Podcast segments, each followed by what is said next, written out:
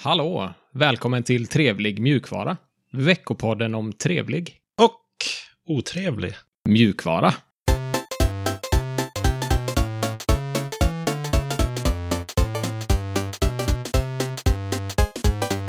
Ja, det här var Sebastian här, som vanligt. Och jag har med mig Alex på andra änden. Tjena, tjena! Tjena! Helt gött. Ja, börjar återhämta mig lite från midsommar. Vi firade tillsammans. Det var en eh, bra kväll. Ja, det var lite, ja, lite rostigt på grillfronten, men annars så gick det bra, tycker jag. Vad ska vi prata om den här veckan då? Denna veckan så är det vårt vanliga format med nyheter. Sedan kommer vi in på en otrevlighet. Sedan har vi ett par trevlighetstips och sen lite metauppdateringar om podden. Men först, nyheter.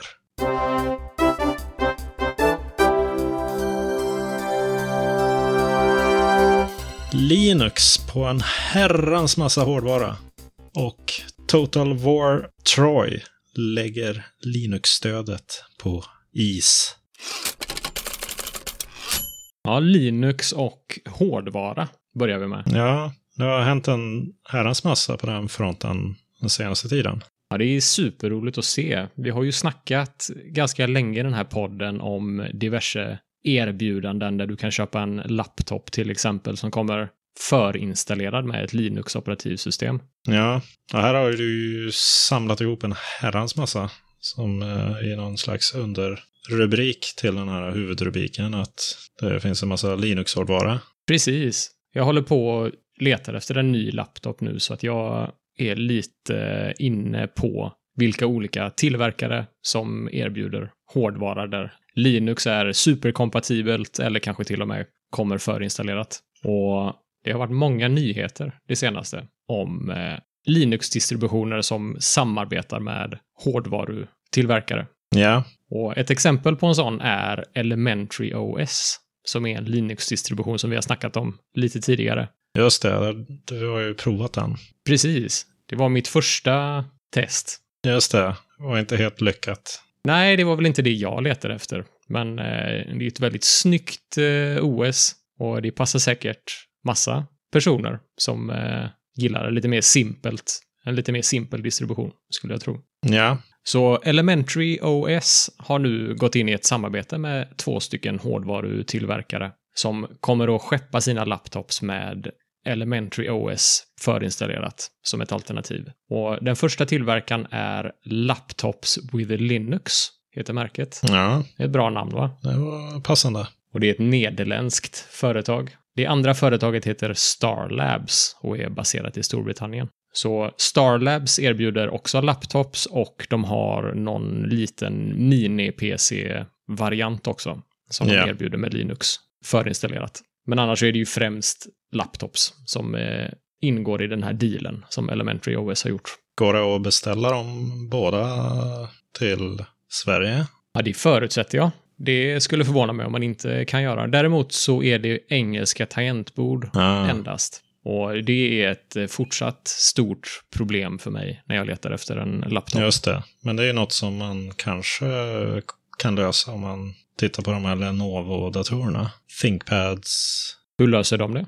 får man ju välja tangentbordslayout på. Ja, just det. Ja, det önskar jag att man fick göra på alla de här alternativen. Men de har väl lite större möjligheter att göra det kanske. Lite större företag, Lenovo.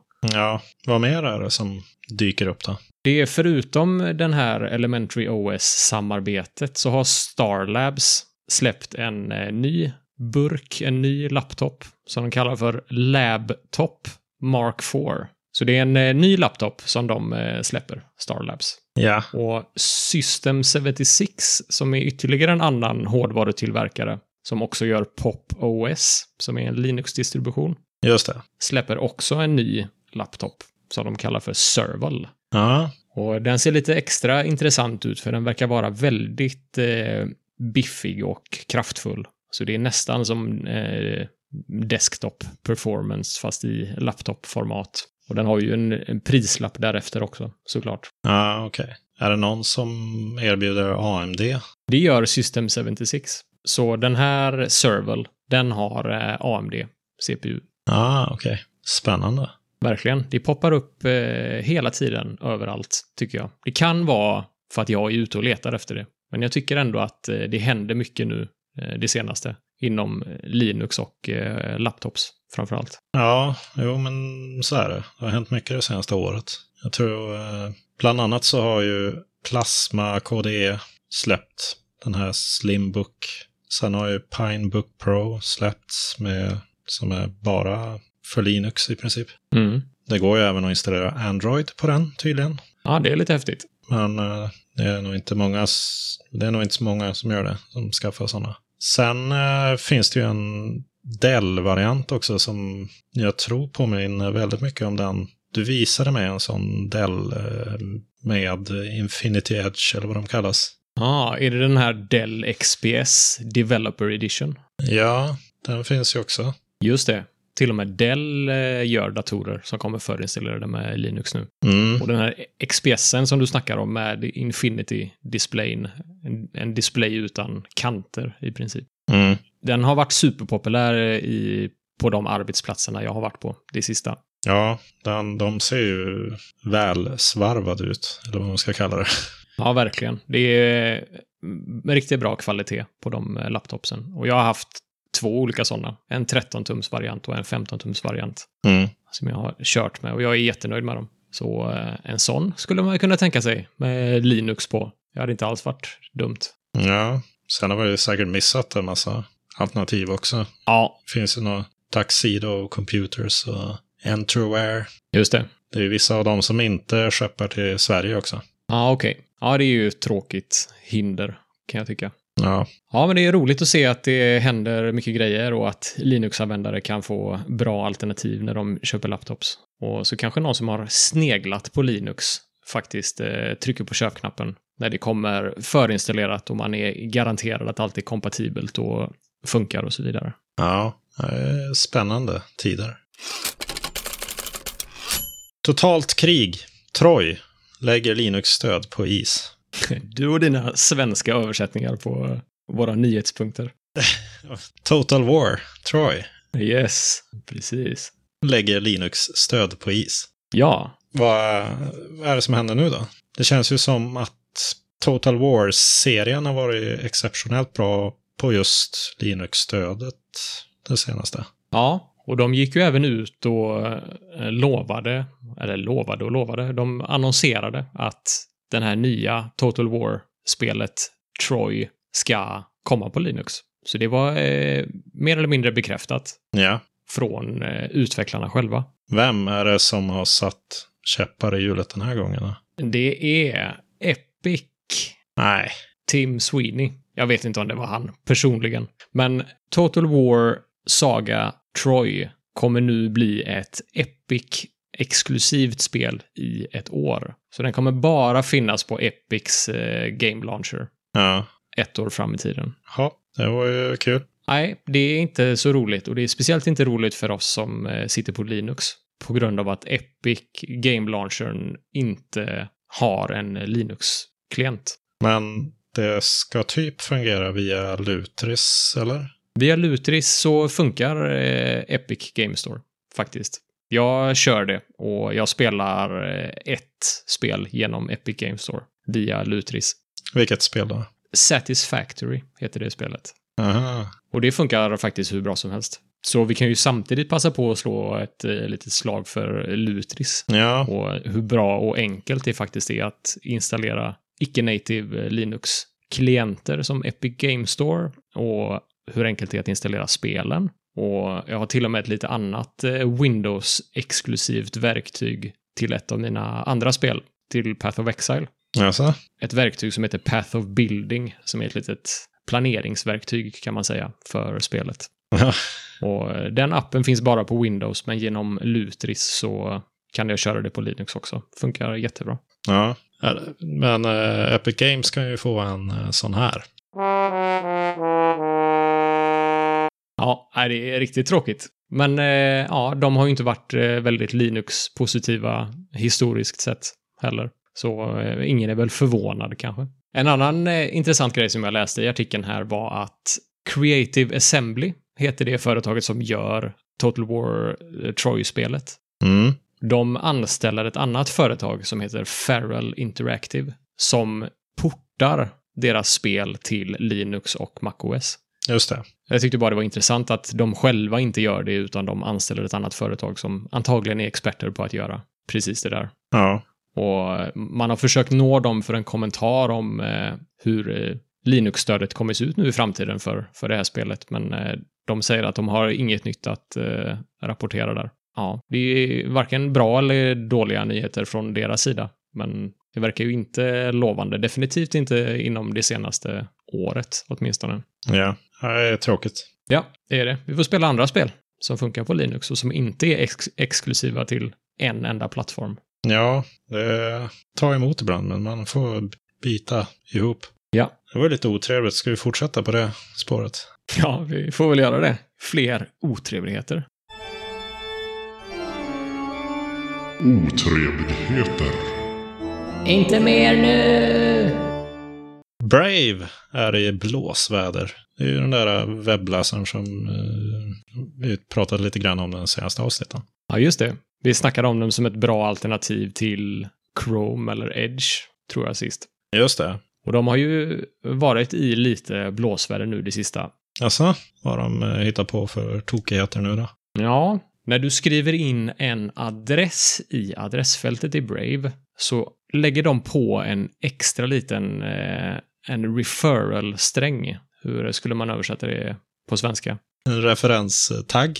Ja, något sånt. Det är en liten tagg, en liten eh, sifferkombination som läggs på i slutet av en webbadress för att kunna identifiera vart någonstans ifrån man har klickat på länken. Så eh, det används ofta i eh, annonssyfte för att veta vem som har refererat personen in på sidan. Och så får ofta den här eh, referatorn, refereraren, referatören, en eh, liten kickback från eh, företaget. Så det är precis det som eh, Brave har gjort här. De samarbetar med Binance och Coinbase och Ledger.com och Tresor.com. De flesta av de här sidorna har med kryptovalutor att göra. Ah, blockchain. Ja, precis. Beryktade blockchain. Ja, Så eh, när du skriver in Coinbase eller Binance till exempel i adressfältet i Brave så kommer den automatiskt att lägga på Braves refereringslänk så att Brave ska få en kickback ifrån Binance eller Coinbase. okej. Och det gillade inte användare. Vad är det som är otrevligt? Är det att det gör sig i skymundan eller det att man jackar in grejer? Ma- Man kan ju tycka att Brave tjänar pengar på att du besöker en sajt utan att du har fått säga någonting om det. De klistrar in sin egen sån här länk så att kickbacken ska gå till dem. Ja, okej. Och det är väl eh, inte så snällt att göra det utan att åtminstone informera användarna om att man gör det. Nej, det är lite mysko kanske. Så det här är ju en funktion som lätt skulle kunna vara opt-in istället för opt-out som den var. Ja, Och då hade jag inte haft något issue med den alls. Utan eh, vill man hjälpa Brave genom att sätta in deras sån här, sånt här ID på Binance eller Coinbase-länkar till exempel, så tycker jag att man ska få göra det. Du kan få stödja webbläsaren på det sättet om, om du vill. ja, Men då ska det vara opt-in, som sagt. Så man ska få välja själv om man gör det. Det ska inte vara en default-inställning i Brave. Men Brave har lite andra udda tekniker för att tjäna pengar. Va? Ja, precis. Det här med reklambiten. Ja, exakt. De har ju på något sätt eh, vänt på hela, hela reklamsystemet i webbläsaren. Så att de som default så blockar de all reklam.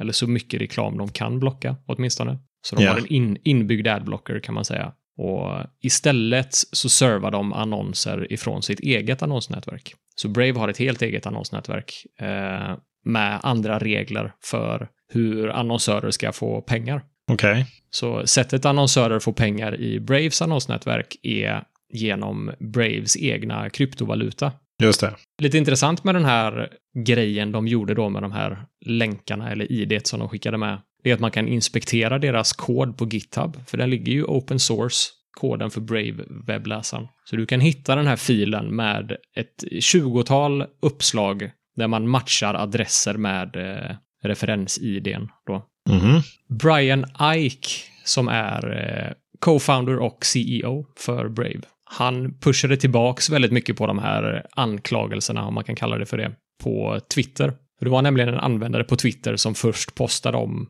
om den här problematiken, att de förändrar länkarna i adressfältet i, i Brave. Du kommer inte dit till den adressen eh, du har skrivit in, utan extra saker läggs på URLen. Och han försvarade till en början att Brave gjorde på detta viset. Så han tyckte inte alls att det var, att det var konstigt och han tyckte att det var korrekt att de eh, gjorde som de gjorde. Men sen efter mer pushback, mycket i, eh, i den tråden där på, på Twitter och mycket publicitet i artiklar och så vidare. Så han ångrade sig senare och bad om ursäkt för att eh, Brave hade gjort det här. Okej, så de har tagit tillbaka det här då? Eller? De har tagit tillbaka det här och de har gjort den här funktionen opt-in nu istället för opt-out. Så du kan sätta på den om du vill eh, stödja Brave, men eh, den är som default avstängd i alla Brave-webbläsare nu. Ja, ja. Jag vet inte om de förtjänar en sån där klapp. Men... Ah, det vet jag inte riktigt. Det är Inte- något som eh, borde ha gjorts från början. Det ska de inte ha så mycket cred för, tycker jag. Ja, fast de försökte ju ändå rädda upp situationen efteråt. Ja, det gjorde de. Det finns någon som har eh, forkat Brave nu, för övrigt. Ja, Eh, Brave är ju open source, som sagt, så det är bara fritt fram och forka ja. och ta bort de eh, dåliga default-inställningarna om man nu vill det. Så nu finns Braver, Oj, som är en ny webbläsare, okej. som är Brave eh, utan, eh, utan denna dumma grejen då. Det var ju lite fiffigt. Undrar om de får, eh, om de får fortsätta heta så. Ja, precis. Intressant också att de, det- gick ju ganska fort att forka. Ja, ja visst. Ja, det tar ingen tid alls.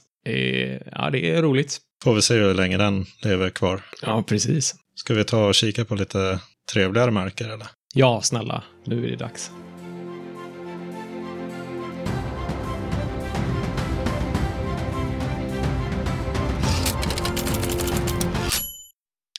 Fail to ban är den första trevligheten vi kommer att kolla på. Ja, det är en eh, väldigt gammal, eller väldigt gammal, får det låta som 1800-talet här. Men 2004 släpptes första versionen av uh, Fail to Ban av, eh, det här namnet vet jag inte riktigt hur man uttalar riktigt, Cyril Jacquer. Fråga eh, Google Voice hur de uttalar det. Det borde vi göra med alla namn som vi tycker är svåra att uttala. Cyril Jack, yeah. Okej. Solklart. Ja, Cyril Jacquer. Ja, han ja. Ja, så han har hållit på med det här ganska länge. Och de är uppe på version 0.11.1, så de har inte ens kommit till version 1 än. Okej. Och vad är det för någonting då? Det är en liten tjänst som man installerar på sin server, typ en Raspberry Pi eller något annat som kör webbtjänster eller har SSH-tjänster igång. Allting som någon utomstående kan, kan nå. Okej. Och den portar IP-adresser så att de hamnar i fängelset, kan man kalla det.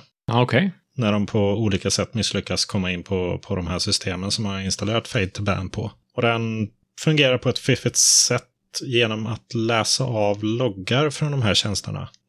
För när man loggar in på SSH så läggs det ju en rad i någon loggfil oftast som säger att den här IP-adressen har loggat in eller den här IP-adressen har misslyckats att logga in exempelvis. Det är den sortens loggrader som den tittar efter. Mm, okej. Det känner man igen, eller de känner jag igen från FTP-loggar. De säger ju ungefär samma sak. Ja, och det har den ju stöd för också. Okej. Det är ganska fiffigt i och med att den kan läsa från alla de här olika tjänsterna genom att bara scanna loggfilerna.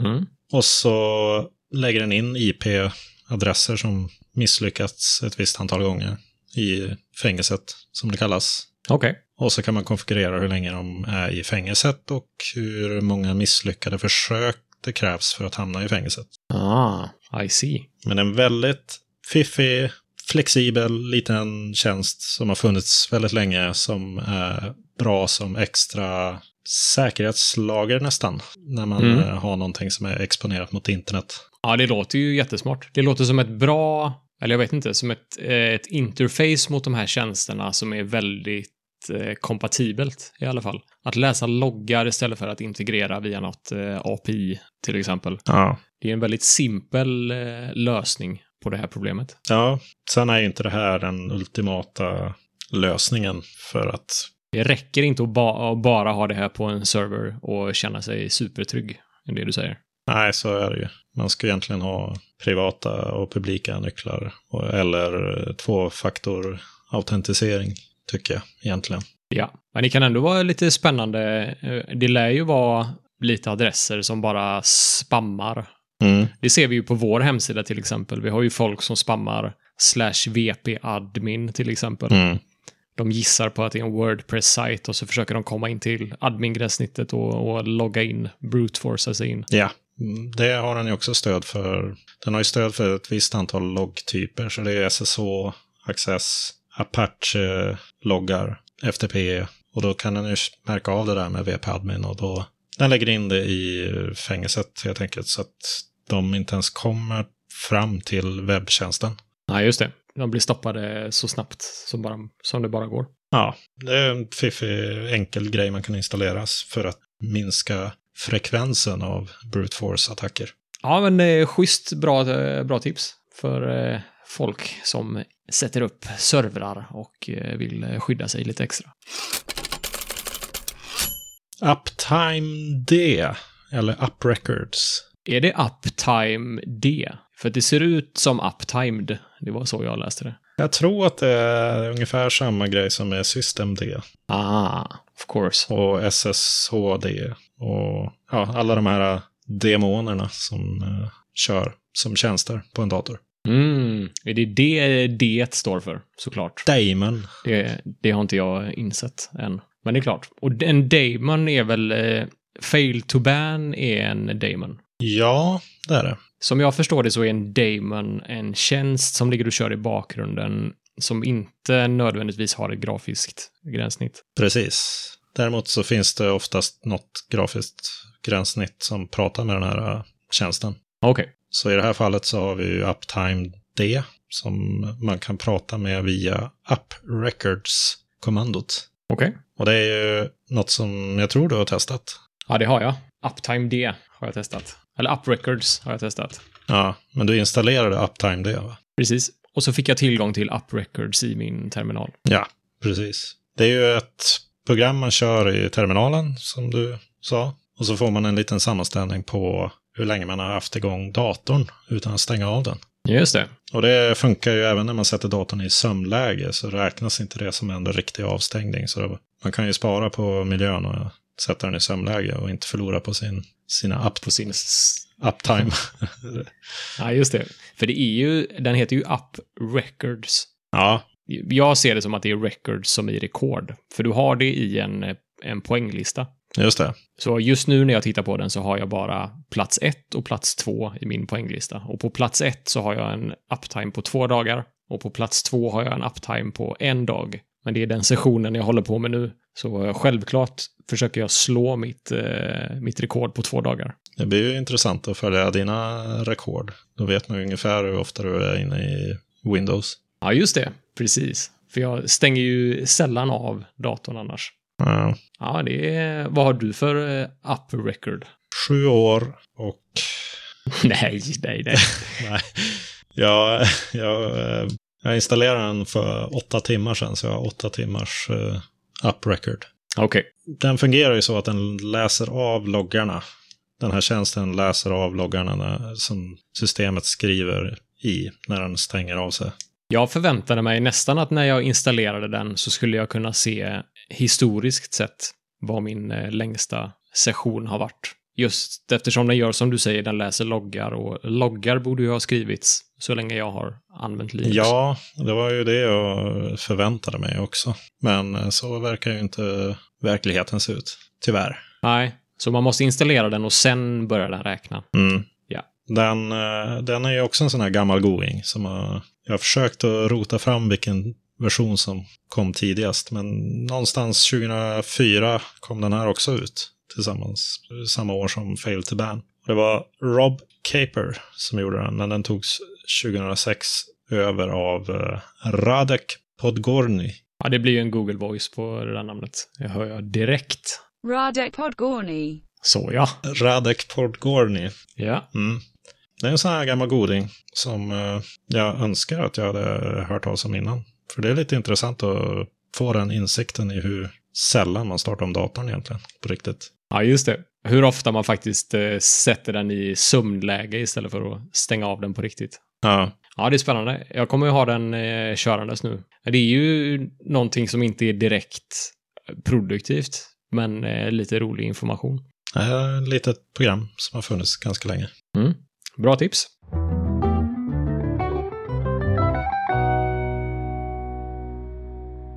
Nu har du varit i farten och eh, på stora äventyr. På Linux. Ja, Ja, det har jag. Det får jag säga. Jag har suttit och grejat jättemycket med Linux den senaste veckan. i3 har du gett in på. Vad är det för något? i3 är en fönsterhanterare. Så jag har bytt ut hela Plasma i min Manjaro till i3 och eh, en hel drös med, eh, med andra handplockade små, små tjänster och applikationer som ersätter det paketet som, som jag har förstått att Plasma är. Ja, okej, men du har kvar plasma, eller? Pla- Man kan välja när man loggar in i Manjaro om du vill logga in med Plasma eller med i3.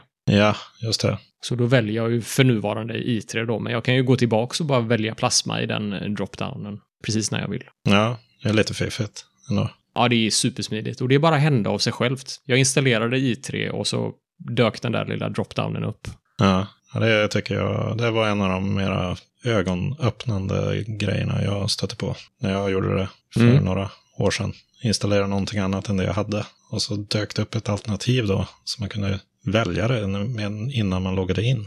Ja, det är helt crazy att det är så integrerat och, och lätt att byta. Mm.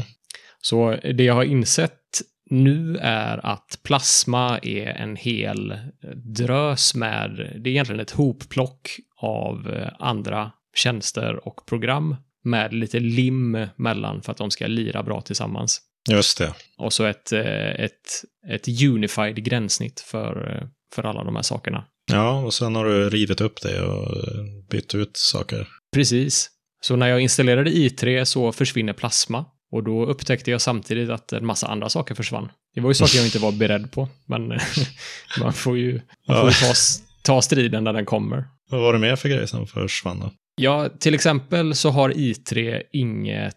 Eh, i3 har en inbyggd statusbar, så typ som din startmeny ungefär. Men den fungerar inte alls på samma sätt som en vanlig eh, statusbar gör. Utan det enda du ser i i3s eh, defaultbar är vilken arbetsyta du är på och lite information om din dator. Typ hur, mycket, hur stor procent av CPUn som används och eh, lite sån metainformation. Och du ser en klocka och dina tray-icons. Så de minimerade ikonerna. Just det. Det är väl egentligen bara det som kommer med i i3. Och så är det en fönsterhanterare då. Så en, en stor grej med i3 är att du, du ska inte använda musen, för då utnyttjar du inte i3s styrkor. Så jag har ju bindat om eh, en massa kombinationer av tangenter för att göra alla möjliga operationer med mina fönster. Det är inte så att fönstren flyter runt, utan det är att de, det blir som en kakel. Man kaklar sitt, sin skärmyta med fönster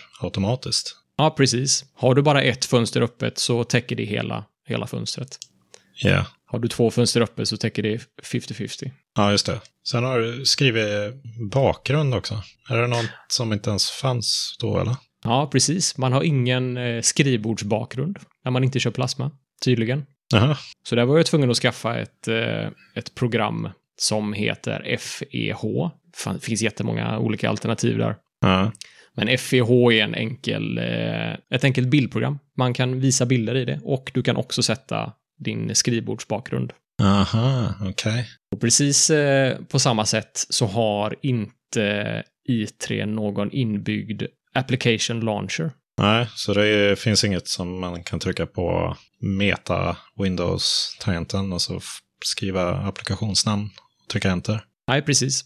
Finns inget sånt inbyggt. Så antingen får man starta alla sina program från terminalen eller så får man installera en, eh, en sån här application launcher. Och då är det många som eh, kör med något som heter D-menu, som är lite en, en väldigt simpel variant. Eh, Mm. Jag valde en, eh, ett alternativ som heter Rofi, som är en sån här application launcher som är lite mer grafiskt eh, tilltalande och eh, har lite tema, settings och, och sådana grejer.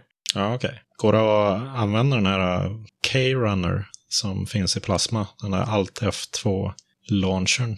Yes, det gör det. För Absolut. den har ju massa inbyggda fiffigheter där man kan konvertera valutor och göra matte.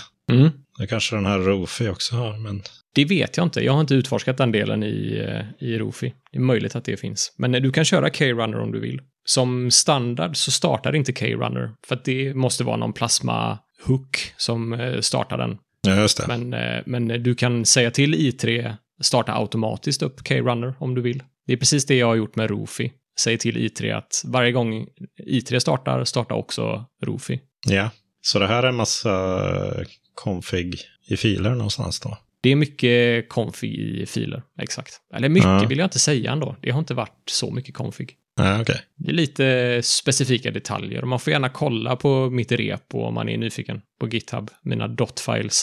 Ja, spännande.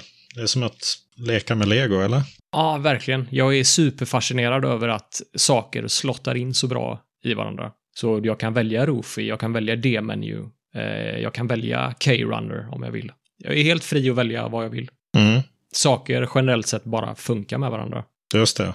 Hur är det att sitta i en sån här uh, tiling-miljö?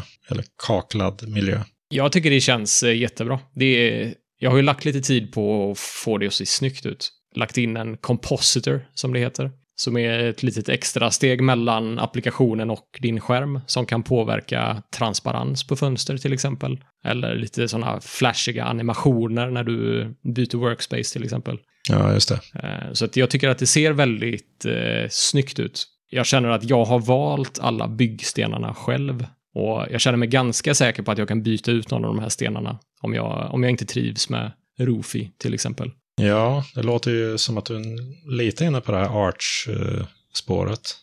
Jag känner att eh, nu eh, börjar det bli riktigt roligt att greja och jag börjar få bra, hyfsat bra koll på de olika delarna. Så jag vill Ja. landa i det här lite eh, först. Men Mm. det är definitivt en eh, möjlig utmaning kanske för nästa säsong. Nästa version av Trevlig mjukvara. Ja, det är spännande. Det får vi, får vi se. Ja.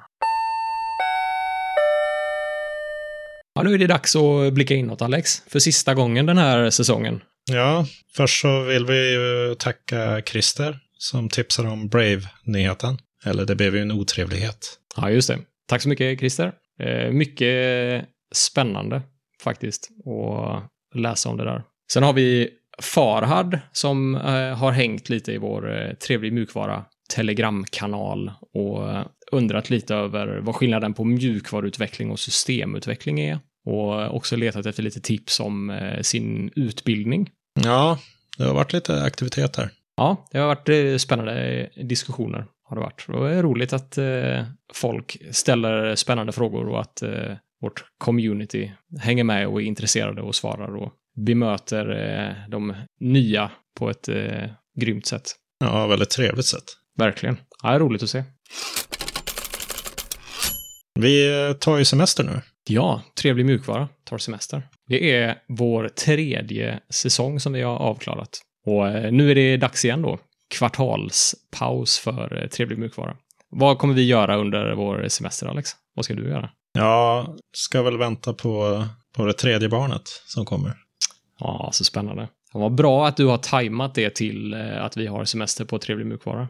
Ja, det får ju, det får ju passa in i trevlig mjukvara-schemat. Ja, ja, det är viktigt. Men det lyckades du med. Det är bra.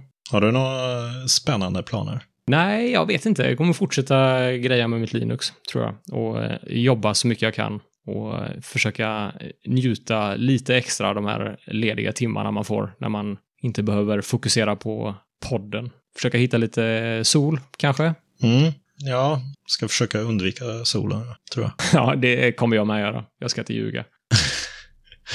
Hur ser planen ut då, framöver mot hösten? Ja, nu kommer vi ha semester till den 3 augusti. Så Säsong 4, avsnitt 1 av Trevlig mjukvara släpps den 3 augusti. Men det kommer inte vara helt tyst i etern. Ja, vi har lite godbitar här under sommaren också.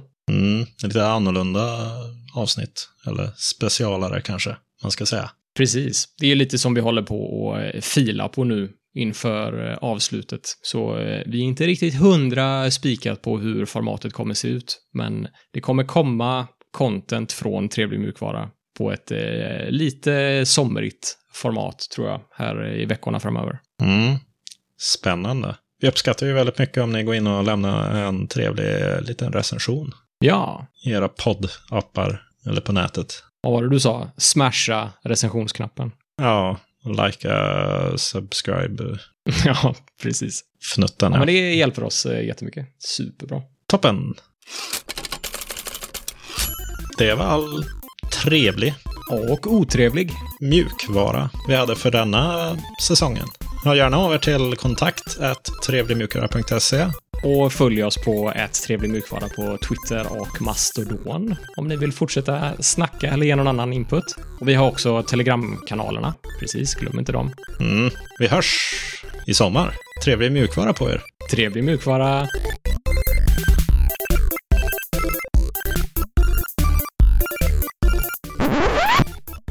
Ja, precis. Ju, ju, ju sällan... Ja, precis. Hur sällan man faktiskt...